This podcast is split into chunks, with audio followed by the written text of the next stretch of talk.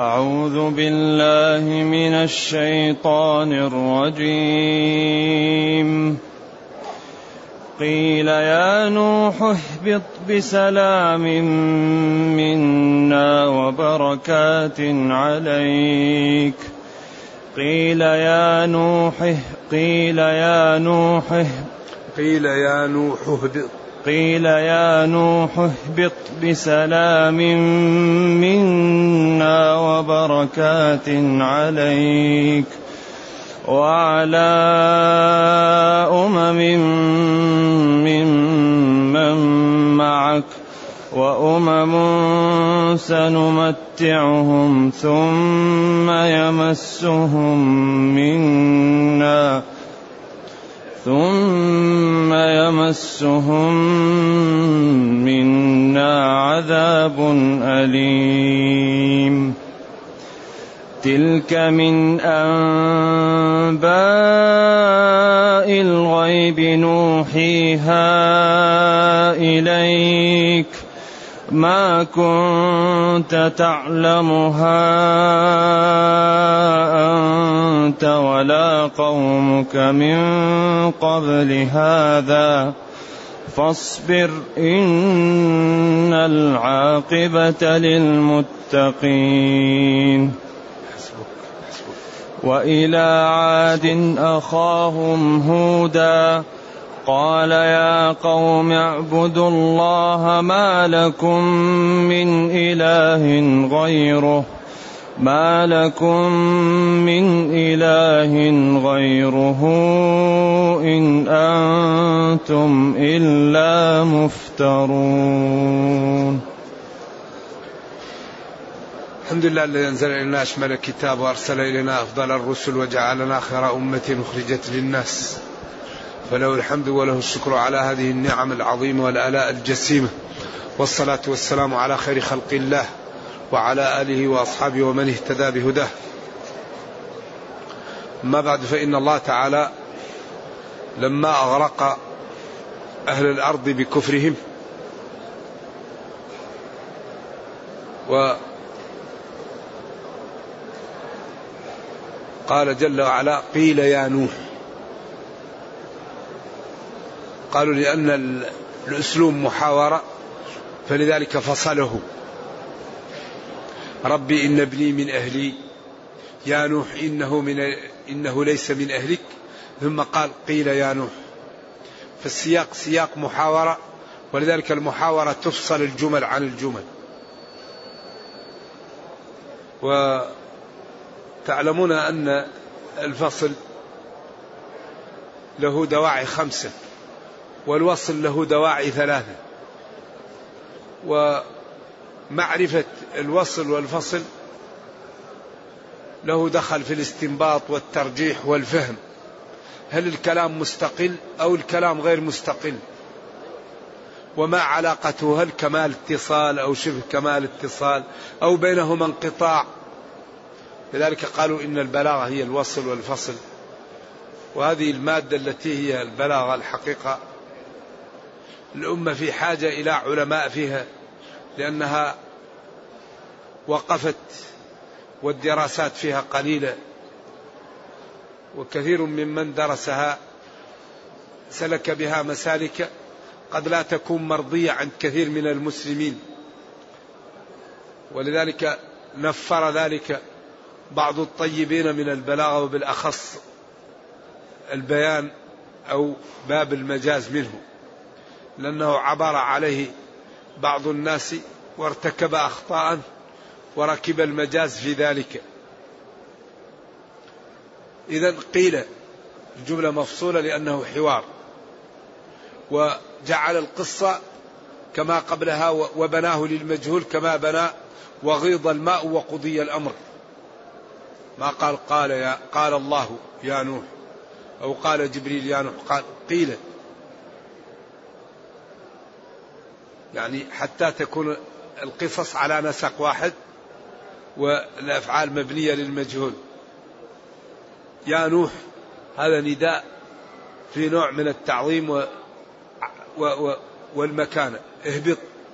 يبدو أن السفينة كانت عالية. اهبط من السفينة. بسلام أي بسلامة أو مسلما عليك. منا ابتداءه من الله. وبركات عليك. وعلى أمم ممن معك. نوح أنزل من السفينة. مصحوب بالسلامة أو بالتسليم أو هما معا. ومباركا عليك. وعلى أمم ممن معك. ومن ممن معك. قالوا هذا يشير إلى أنهم سيكون منهم خلق كثير لأن الذين كانوا في السفينة قليل وما آمن معه إلا قليل. قال وأمما أي ممن معك آباؤهم وسيتولدون من أصلابهم بعد ذلك.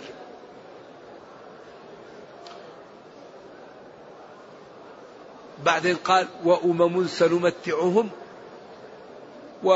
ونعطيهم في الدنيا ونمد لهم ثم يمسهم منا عذاب أليم. قالوا كل متقي فهو من ذلك الوعد وكل مجرم هو من ذلك الوعيد.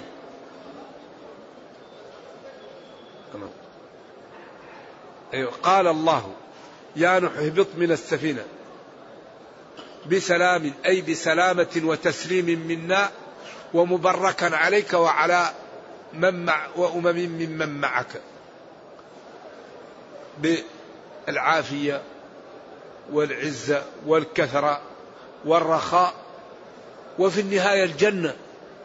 لا وأمم لا. سنمتعهم نعطيهم في الدنيا لكن يمسهم منا عذاب أليم.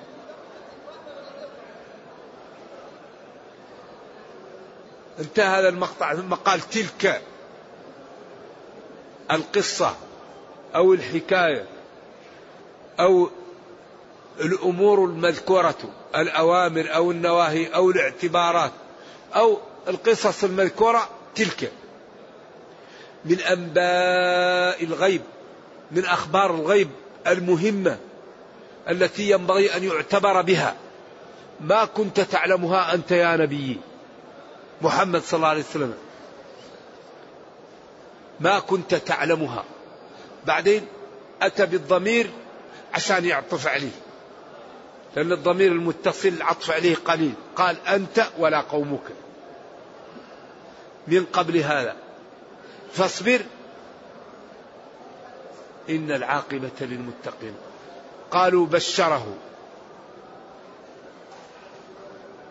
و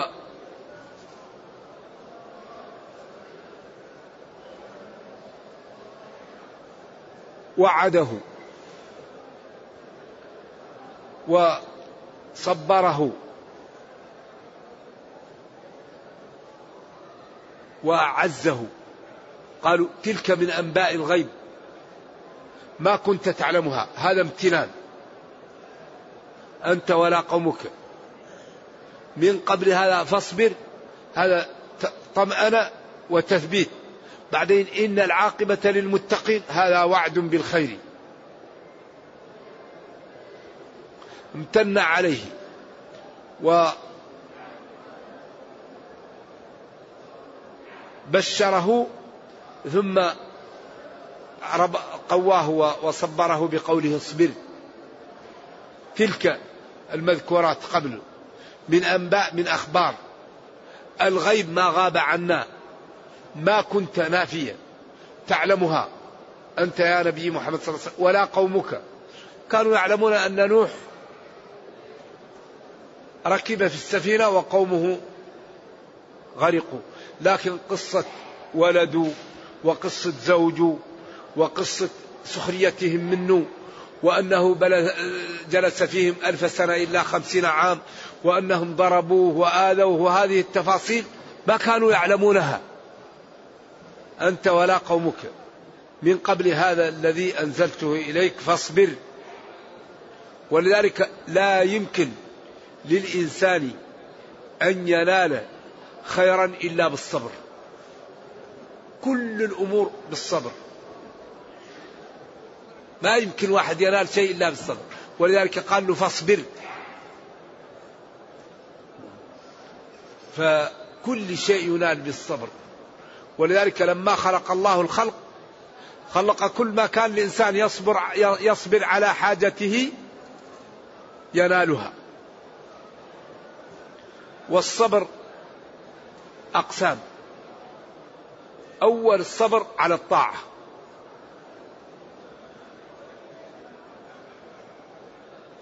العطش في رمضان في الحج يصبر. يتحمل. يبذل المال يبذل الوقت. يبذل من بدنه. و الله قال إنما يوفى الصابرون أجرهم بغير حساب. اصبر ولا تضجر من مطلب فآفة الطالب أن يضجر. فالله يقول لنبيه اصبر. أهم شيء من الصبر الصبر على الطاعة. الصبر على الصلاة. الصلاة هذه أمرها عجيب. ولذلك قال الله تعالى وإنها لكبيرة إلا على الخاشعين. إن توكيد واللام توكيد. وإنها لكبيرة إلا على الخاشعين. ومن أراد أن يعلم أنه من الخاشعين أم ليس منهم فليضع المنبه على الوقت قبل الفجر بساعة. فإذا قام نشيطا فرحا لمناجاة ربه فهذا من الخاشعين. وإذا قام كأنما على ظهره حمل وكأنه يساق إلى شيء ثقيل فهذا ليس من الخاشعين. وإنها لكبيرة إلا على الخاشعين أثقل شيء على غير الخاشعين الصلاة. أما الخاشع الصلاة خفيفة عنده يقوم لها وهو إيش؟ فرح جذب. يعني تزيل همومه ولذلك كان يقول وجعلت قرة عيني في الصلاة أرحنا بها يا بلال. فالصبر أول شيء منه على الطاعة. الصلاة هذه الطهارة الذهاب للجماعة تسمع حي على الصلاة وأنت في غاية التعب فتفرح أنك تعبان وتريد أن تؤدي الصلاة. ترى المنظر الذي تريد أن تنظر إليه. فتذكر قول الله تعالى قل للمؤمنين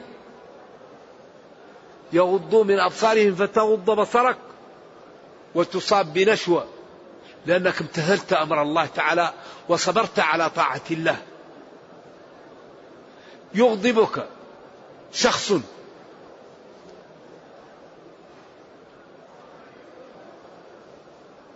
فتريد أن تنتقم منه أو أن تقع به. فتسمع قول الله تعالى وأن تعفو أقرب للتقوى فتصبر. ولذلك الصابر دائما يوفى والصبر على الطاعة أنواع يعني سواء كانت طاعة قلبية أو مالية أو بدنية. فالإنسان يحب ماله. وركب في الإنسان محبة المال. لكن يصبر على بذل المال. لأن الله فيضاعفه له أضعافا كثيرة. ما نقص مال من صدقة. فيصبر على البذل. يصبر على أن يوطد قلبه يصبر قلبه على أن لا يفكر في الحرام. على أن يطيع الله يخشع لسانه على الذكر جوارحه على الطاعة وهكذا الصبر على الطاعة. الثاني الصبر عن المعاصي عن الشهوة. إنسان ركبت فيه الشهوة شهوة المال شهوة الأكل شهوة المحمدة شهوة الجنس. في شهوات كثيرة. إذا يصبر عن المعاصي. لذلك الله قال ونهى النفس عن الهوى فيصبر عن المعاصي. فإذا صبر عن المعاصي يأتيه الشيطان ويحركه. فإذا صبر صبر تبقى الطاعة والصبر سجية له فييأس منه الشيطان فيتشبع من الإيمان فتصبح المنفعة منه محققة. لأن المسلم إذا تشبع من الإيمان كل ما خالطه شخص سرى فيه الإيمان. لذلك أهم شيء يعمله المسلم أن يتشبع من الإيمان. ولذلك التصبير متى يكون الإنسان متى يصدر الإنسان؟ إذا كان عنده اكتفاء. إذا كان البلد ما عنده اكتفاء لا يصدر. الإنسان إذا لم يتشبع من الإيمان تصديره يكون ضعيف لكن إذا تشبع من الإيمان وامتلأ من خشية الله ومن مخافته ومن إجلاله ومن امتثال الأوامر واجتناب النواهي وأصبح عبدا لله كل ما خالطه شخص سرى فيه الإيمان. لكن هذا لا يكون إلا بماذا بالمكابدة. لا تأتي هذه المنزلة إلا بالمكابدة.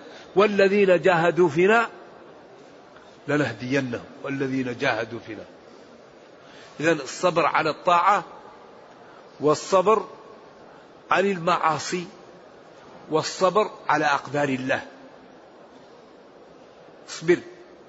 الصبر على أقدار الله. الإنسان إذا إذا عاش لا بد كما قال البخاري لما نعي له أحد العلماء قال إن تعش تفدع تفجع بالأحبة كلهم. وذهاب نفسك لا أبا لك أفجع. الإنسان إذا في الحياة إذا طال عمره لازم يفقد يفقد ما ما من يحب. أو تروح نفسه هو. إذا الحياة صفها كما قال أبو ذؤيب يعني وتريدها صفا من الأكدار وهي خلقت هكذا. كما قال لتبلون ولنبلونكم. أيوة فالدنيا دار ابتلاء دار ممر. فلذلك الإنسان لا يغتر بالدنيا. يحاول أنه يجعلها معبر لينجو. الدنيا دار متاع معبر. فالذي يرى أنها سكن وأنه باقي فيها بعدين يغتر. فذلك هي معبر يعبر بها الإنسان إلى إيش؟ إلى الآخرة. فلذلك يتخذها معبر ويحاول أن يجعل صالح الأعمال عليها مركوب يركبه. يركب الأعمال الخير حتى توصله إلى الجنة. ولكن يعني في الطريق أمور ما تجعلك يمكن أن تصل إلا إذا كابت. أول أمر الدنيا. أخطر شيء الدنيا. اتقوا الدنيا. النفس الناس الشيطان. هذه الأربعة هي المعوقات. وفكروا هل في شيء يعوقك عن السير السليم إلى أن تمشي على الجادة حتى تصل إلى الجنة وتسلم إلا المال والنفس؟ والناس والشيطان.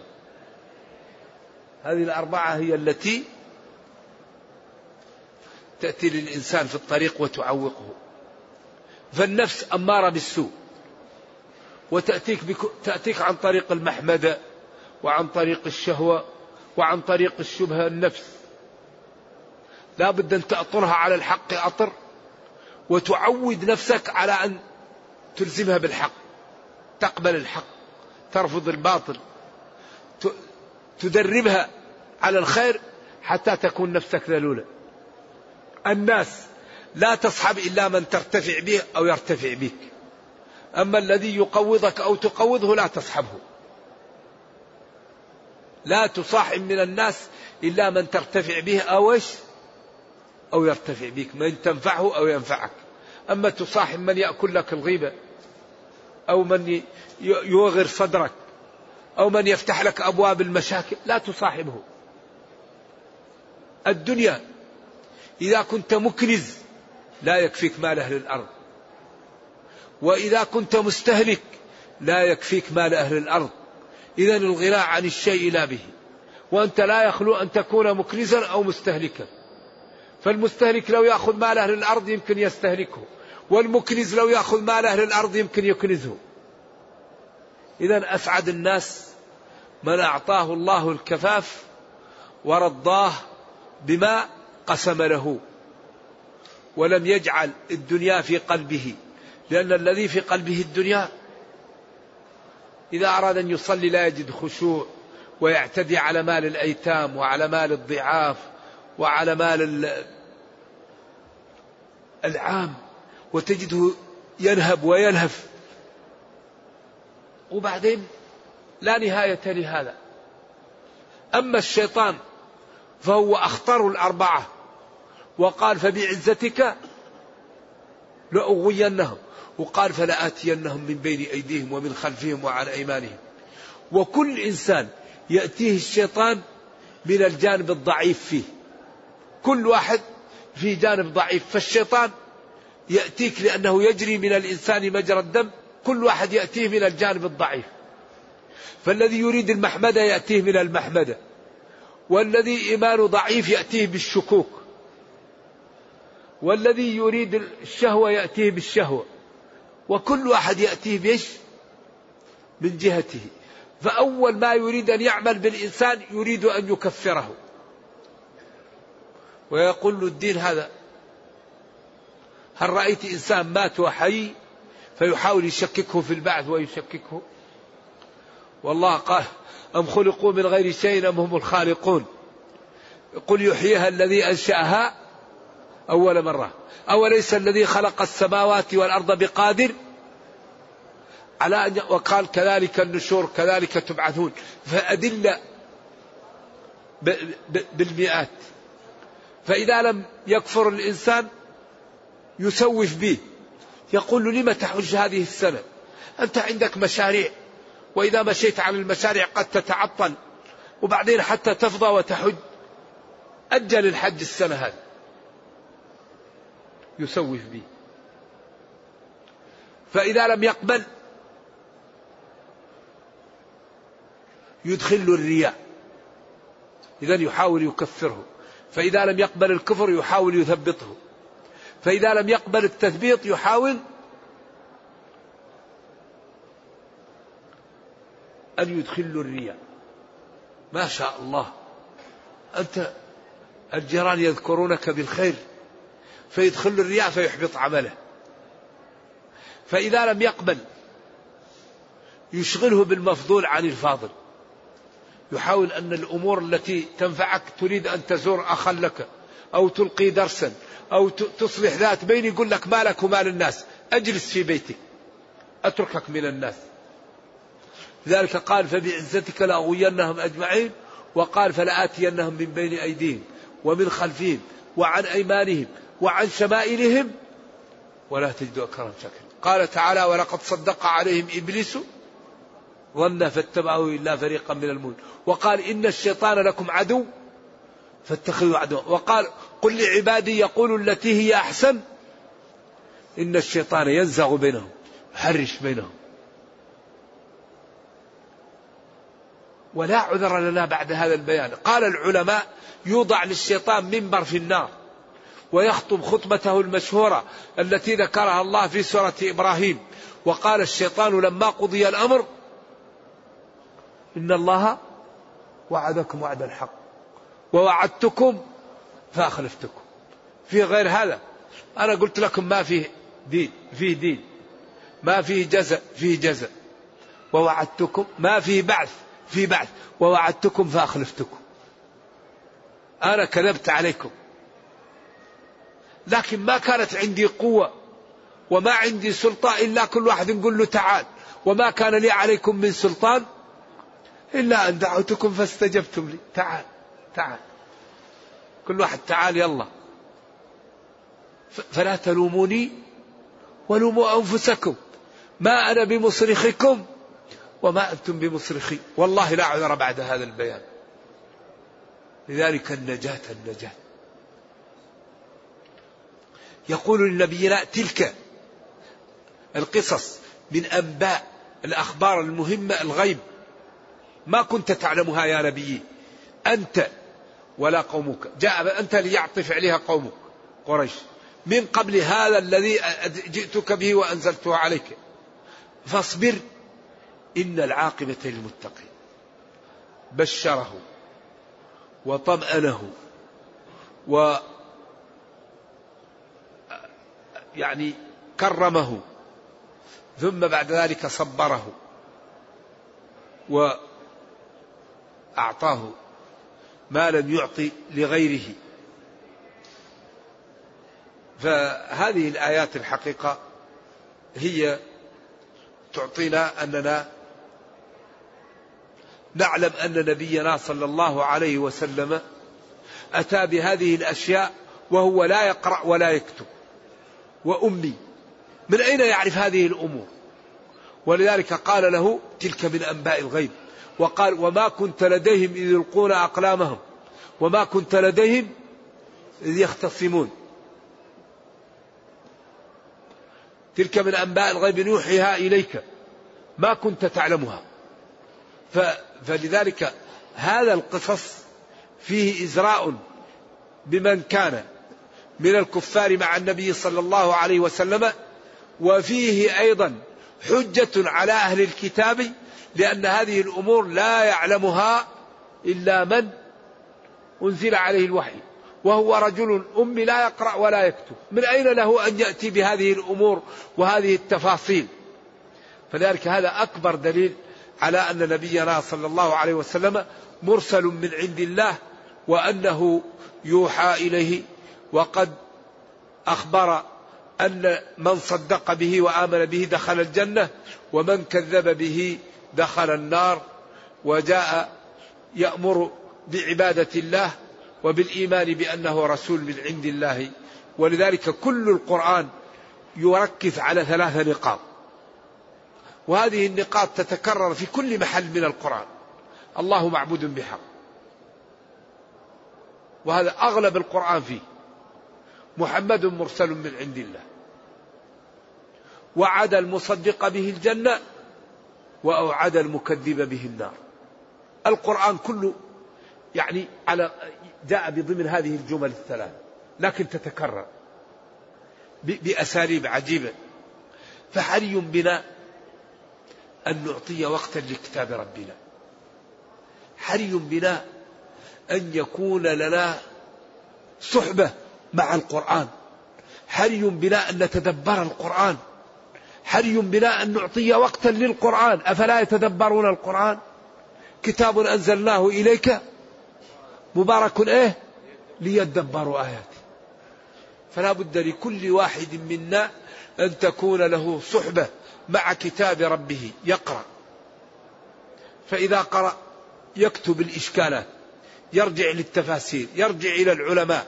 فإذا فهم القرآن وجد متعة.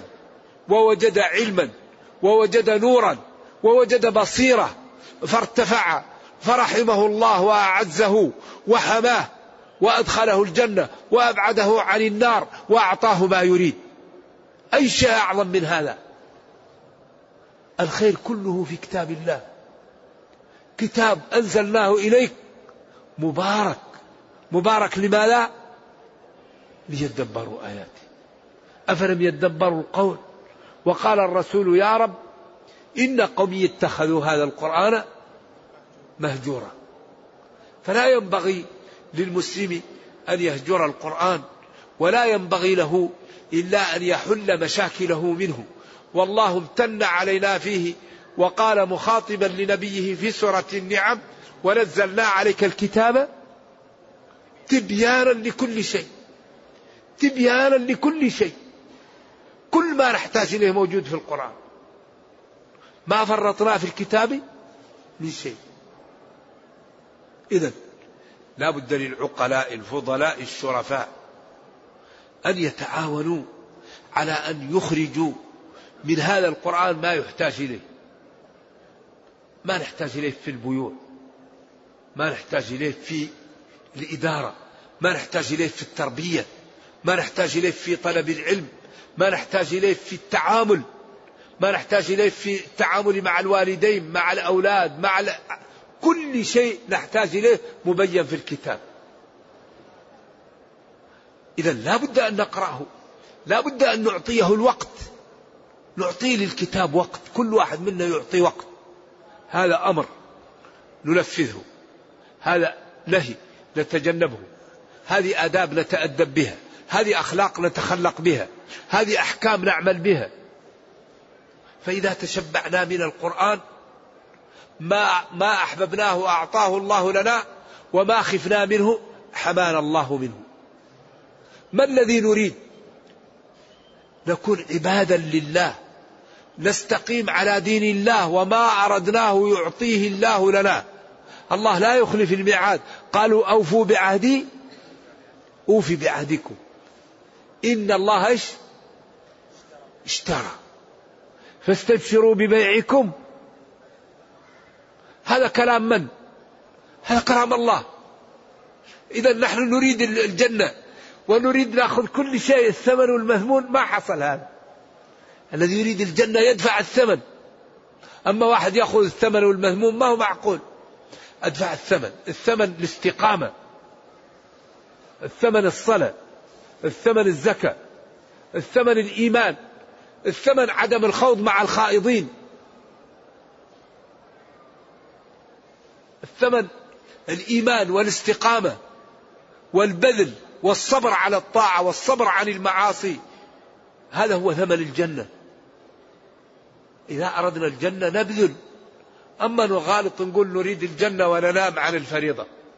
نقول نريد الجنة ونغتاب المسلمين. نريد الجنة والواحد يأكل الربا ويأكل النجس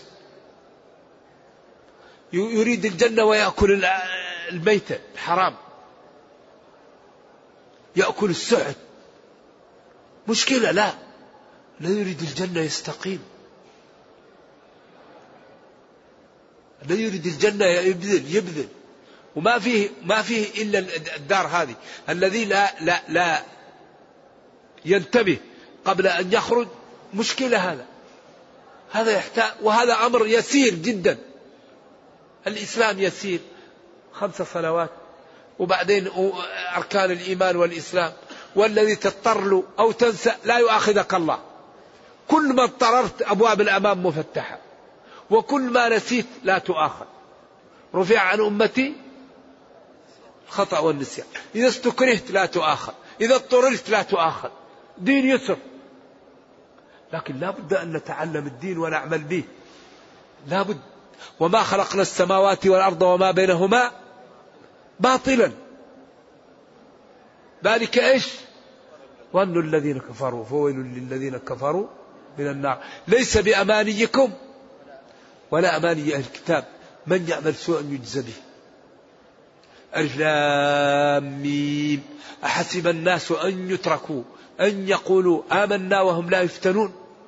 ولقد فتنا الذين من قبلهم. فلا يعلمن الله الذين صدقوا ولا يعلمن الكاذبين. إذا كل واحد منا يكون له صحبة بكتاب ربه. وله وقت يقضيه مع القرآن. وينفذ الأوامر. ويجتنب النواهي. ويتأدب بالآداب.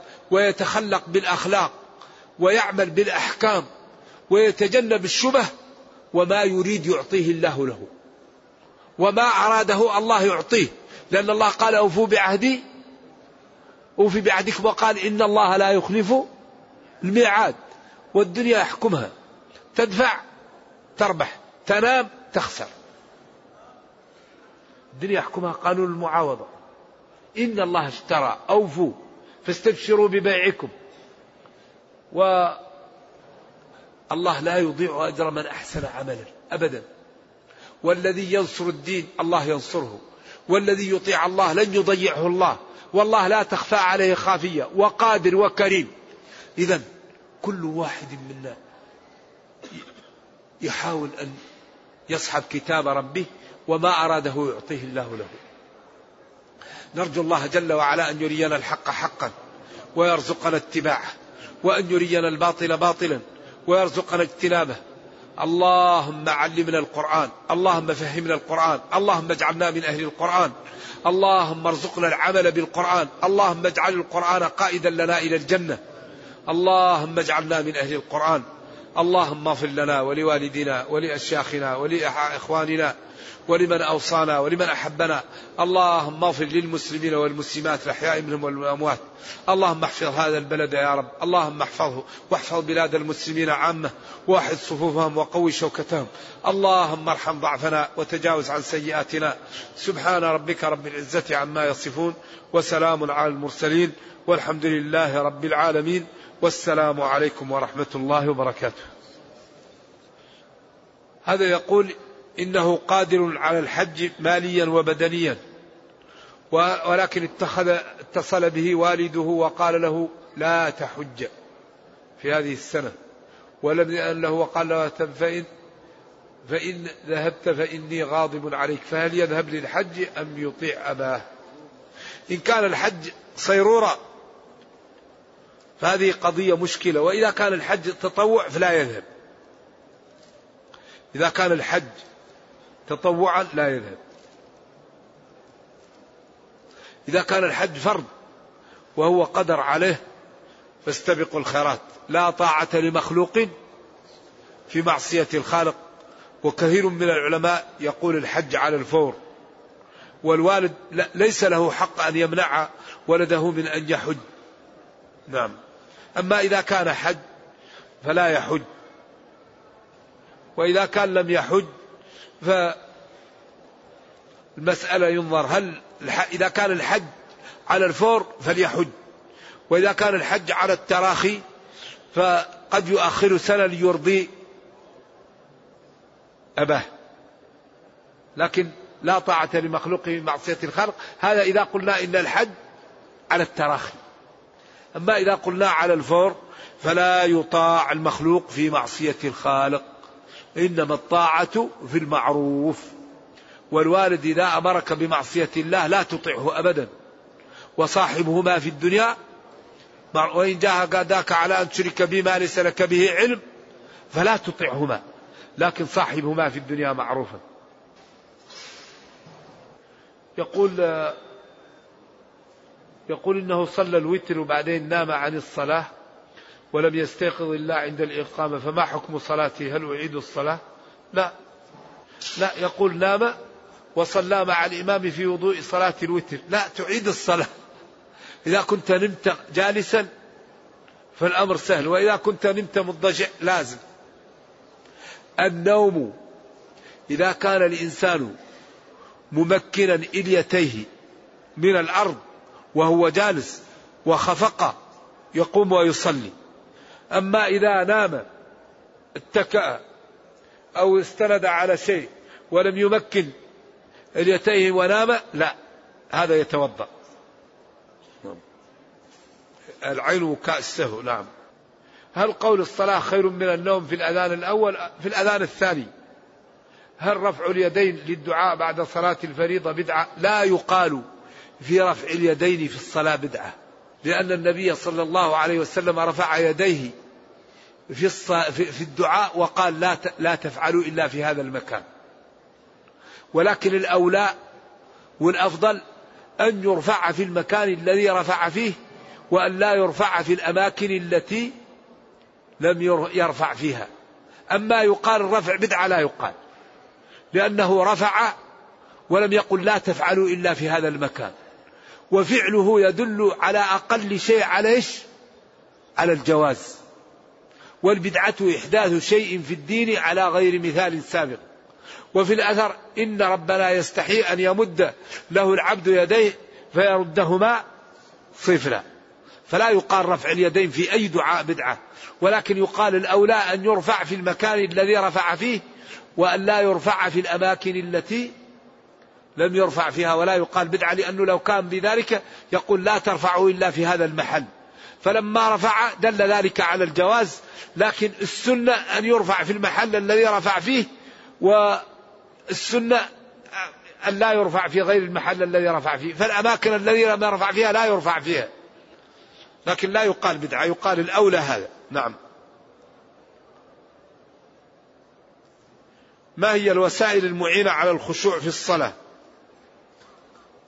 الاستغفار الصدقة النافلة البعد عن الريب سؤال الله صحبة الأخيار التوبة. هذه يقول انه من المغرب فيها أخطاء في منن من من جدة ومن لم يحرم كنا على خطأ فينا يتوجه إلى المدينة ومنا يعتقد أنه يتوجه مكة. هذا الكلام غير مقروء لكن المسلم إذا أراد أن يحج لا بد له من أحد أمرين. لا بد أن يأخذ كتاب الحج ويقرأه. في الأركان والمحظورات والواجبات والسنن والأنداب يقرأ كتاب وإذا لم يكن يقرأ يأخذ عارفا بالحج ويتمسك به حتى يسلم له حجه. إنسان ما درس الحج وما عنده من يعلمه. هذا يريد أن يضيع وقته وماله. والعبادة لا تقبل إلا إذا كانت على المواصفات المطلوبة. هل في واحد الآن يأخذ سيارة ويسوقها وهو ما تعلم السواقة؟ يدخل البلد؟ هل يمكن واحد يدخل غرفة العمليات ما درس الطب والجراحة؟ واحد يؤم الناس ما يقرأ القرآن. يقول أنا أكون إمامكم ويقرأ ما قرأ القرآن ولا يحفظ الفاتحة. الذي يريد أن يحج لابد أن يدرس الحج. الحج باب موجود في كل كتاب من الفقه وموجود في أحاديث الأحكام وموجود في آيات الأحكام وموجود ومبين وله في آلاف الكتب. ما فيه يعني باب من أبواب الفقه. خدم مثل الحج. آلاف مؤلفة من التآليف في كتاب الحج. فيأخذ الإنسان كتاب قبل أن يحج وقبل أن يبذل ماله ويترك أهله ويدرس الحج. الحج أركانه أربعة. وواجبات سبعة ومحظورات سبعة. وله سنن وأنداب. أول لا بد من الإحرام. الذي لم يدخل في الإحرام لا حج له. والإحرام من الميقات واجب. التجرد من المخيط واجب. بعدين يترك الإنسان الطيب وتقليم الأظافر وقص الشعر ويبتعد عن النساء وعن الرفث وعن الفسوق وعن الجدال. ثم يطوف بالبيت هذا الركن الثاني. يطوف بالبيت بعد الرجوع من عرفة. ثم يسعى بين الصفا والمروة على أصح الأقوال. ثم يقف بمزدلفة من طلوع فجر يوم إيش؟ يوم التاسع إلى طلوع فجر اليوم العاشر. والجمهور عندهم الوقوف يبدأ من بعد الظهر. من بعد الظهر إلى طلوع فجر يوم العاشر. ومن جاء عرفة في ساعة من ليل أو نهار إن شاء الله أن حجه صحيح لكن اختلفوا هل يلزمه دم أو لا ثم المرور بمزدلفة والمبيت بها لمن له لمن ليس له عذر حتى يصلي. ثم المبيت بمنى ثلاث ليالي أو ليلتان لمن يريد التعجل. ثم رمي الجمار. والجمار يوم النحر ترمى جمرة واحدة.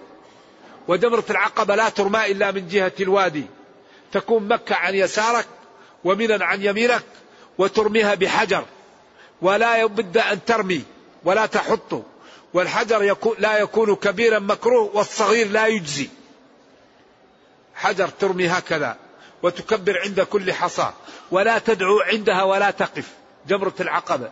أما الجمرتان الأوليان ترميها من أي جهة وتتعداها وتقف تدعو طويلا ثم ترمي الثانية وتدعو طويلا. ولا بد في, في أيام التشريق من ترتيب الرمي. ترمي الأولى التي تلي عرفات ثم الثانية الوسطى ثم الكبرى وتقف وتدعو طويلا عند الأوليان والثالثة لا تدعو عندها لأن محلها ضيق. ما, ما شرع عندها الدعاء. ويوم النحر هو أكثر الأعمال ولذلك سمي اليوم يوم الحج الأكبر. فيه الرمي وفيه الذبح وفيه الحلق وفيه طواف الإفاضة. أغلب أعمال الحج في يوم النحر. وأهم شيء أن الواحد لا يطلع للحج إلا بعد أن يدرس الحج أو يصحب عارف بالحج. يبحث عن فقيه ويقول له يا أخي أنا أريد صحبتك في خمسة أيام. وهذه الأيام الخمسة ينبغي الإنسان أن يحافظ على موارد العلم ولا يستعملها إلا في طاعة الله. وجعل لكم السمع والأبصار والأفئدة إيش؟ لعلكم تشكرون. فالشيطان يجيك ويقول لك أحكي الحكايات. اترك الكلام فيما لا يعنيك. أيوة. فلا رفث ولا فسوق ولا جدال في الحج. ابتعد عن هذه الثلاثة. واشتغل فيما يعنيك. وأكثر من التلبية. ولا تشتغل فيما يعنيك خمسة أيام. لا تنظر إلا فيما يعنيك. ولا تتكلم إلا فيما يعنيك. ولا تجادل. وعندك حوائج وأمتك في حاجة إليك. أسأل الله لإخوانك أن الله يرفع عنهم ما هم فيه. تسلط على المسلمين أعداءهم وتغلبوا عليهم وساموهم سوء العذاب. نسأل الله أن يرفع عن المسلمين ما حل بهم من الضعف والهوان. نعم فالواحد الحقيقة يجتهد وهي خمسة أيام الواحد يبتعد فيها ويخرج من ذنوبه كيوم ولدته أمه. من تعجل في يومين فذنبه مغفور ومن تأخر فذنبه مغفور لمن اتقى. الحج المبرور ليس له جزاء إلا الجنة. من حج فلم يرفث ولم يفسق خرج من ذنوبه كيوم ولدته أمه.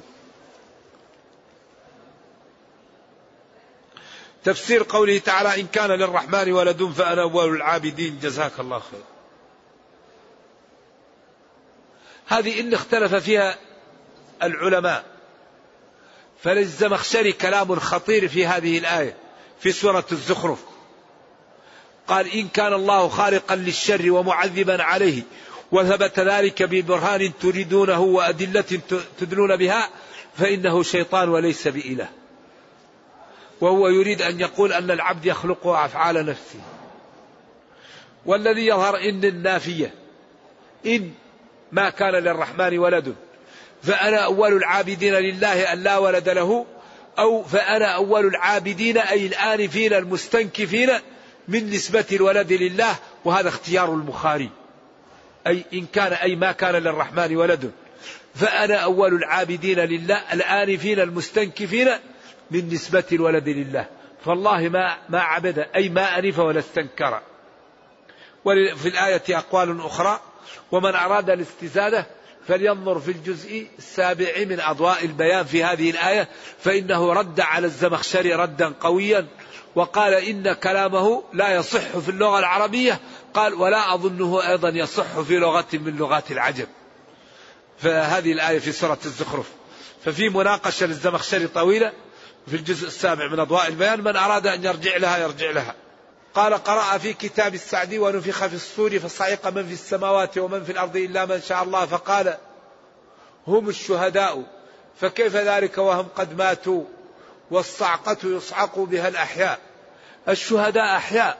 ولا تحسبن الذين قتلوا في سبيل الله أموات بل أحياء عند ربهم. لكن حياة برزخية. بل أحياء عند ربهم يرزقون. بما آتاهم الله من فضله ويستبشرون أن لا خوف عليهم ولا هم يحزنون. كلام جيد الذي قال. بس هذا آخر شيء كثير هذا. يقول يريد الذهاب إلى الحج ولكن يريد الذهاب لجدة ومنها لمكة لأجل بعض الظروف. على كل حال أبواب الأمام مفتحة عند الاضطرار وقد فصل لكم ما حرم عليكم إلا ما اضطررتم لكن ما يقول واحد أنا مضطر وهو عنده مئة مليون ويعمل لي الربا أو ألف مليون ويقول لك أنا مضطر للربا. لأن إذا ما الأعمال بالربا كيف؟ المضطر إنسان يكاد يموت. ما يجد شيء يأكله ويخاف على نفسه يأكل الميتة واحد يجي يبحث عن واحد يريد أن يقتله وهو عندك قل له لا ما رأيته. لأن هنا واجب أن تكذب لأنه الكذب أخف من واحد يقتل نفس. وتقول أنا أخاف من الكذب لا هو نايم عندي يأتيه يأتيه يقتله. ما يجوز هذا. قل لا ما هنا. فلذلك ارتكاب أخف الضررين واجب. ما حكم من تحلل من الإحرام قبل أداء العمرة؟ إذا لم يشترط يبقى محرما إلى قيام الساعة. شوف الذي يدخل في الإحرام لا يحله إلا بواحد من ثلاثة. ولذلك الحج ما هو مثل غيره. الله قال وأتم الحج والعمرة. من دخل في الإحرام لا يفكه إلا بواحد من ثلاثة. أول شيء يطوف بالبيت. ثاني شيء يشترط. لباك فإن حبسني حابس فمحلي حيث حبستني. الثالث الحصر أن يحصر. وأقوى الأقوال أنه لا حصر إلا بالعدو. وإن قال جلة من العلماء أن المرض يكون به الحصر. لكن المحققين قالوا لا حصر إلا بالعدو. نعم. إذا من يخاف أن لا يأتي يشترط. نعم. هذا رسالة طويلة يتكلم فيها عن أن سفينة نوح وجدت. وأن في محل بين تركيا وإيران. هذا لا أدري عنه. بعدين هذه أمور. سفينة نوح وجدت ما وجدت. نحن عندنا القرآن. ما نحتاج شيء. وجدت سفينة نوح أو وجد نوح أو وجد غيره.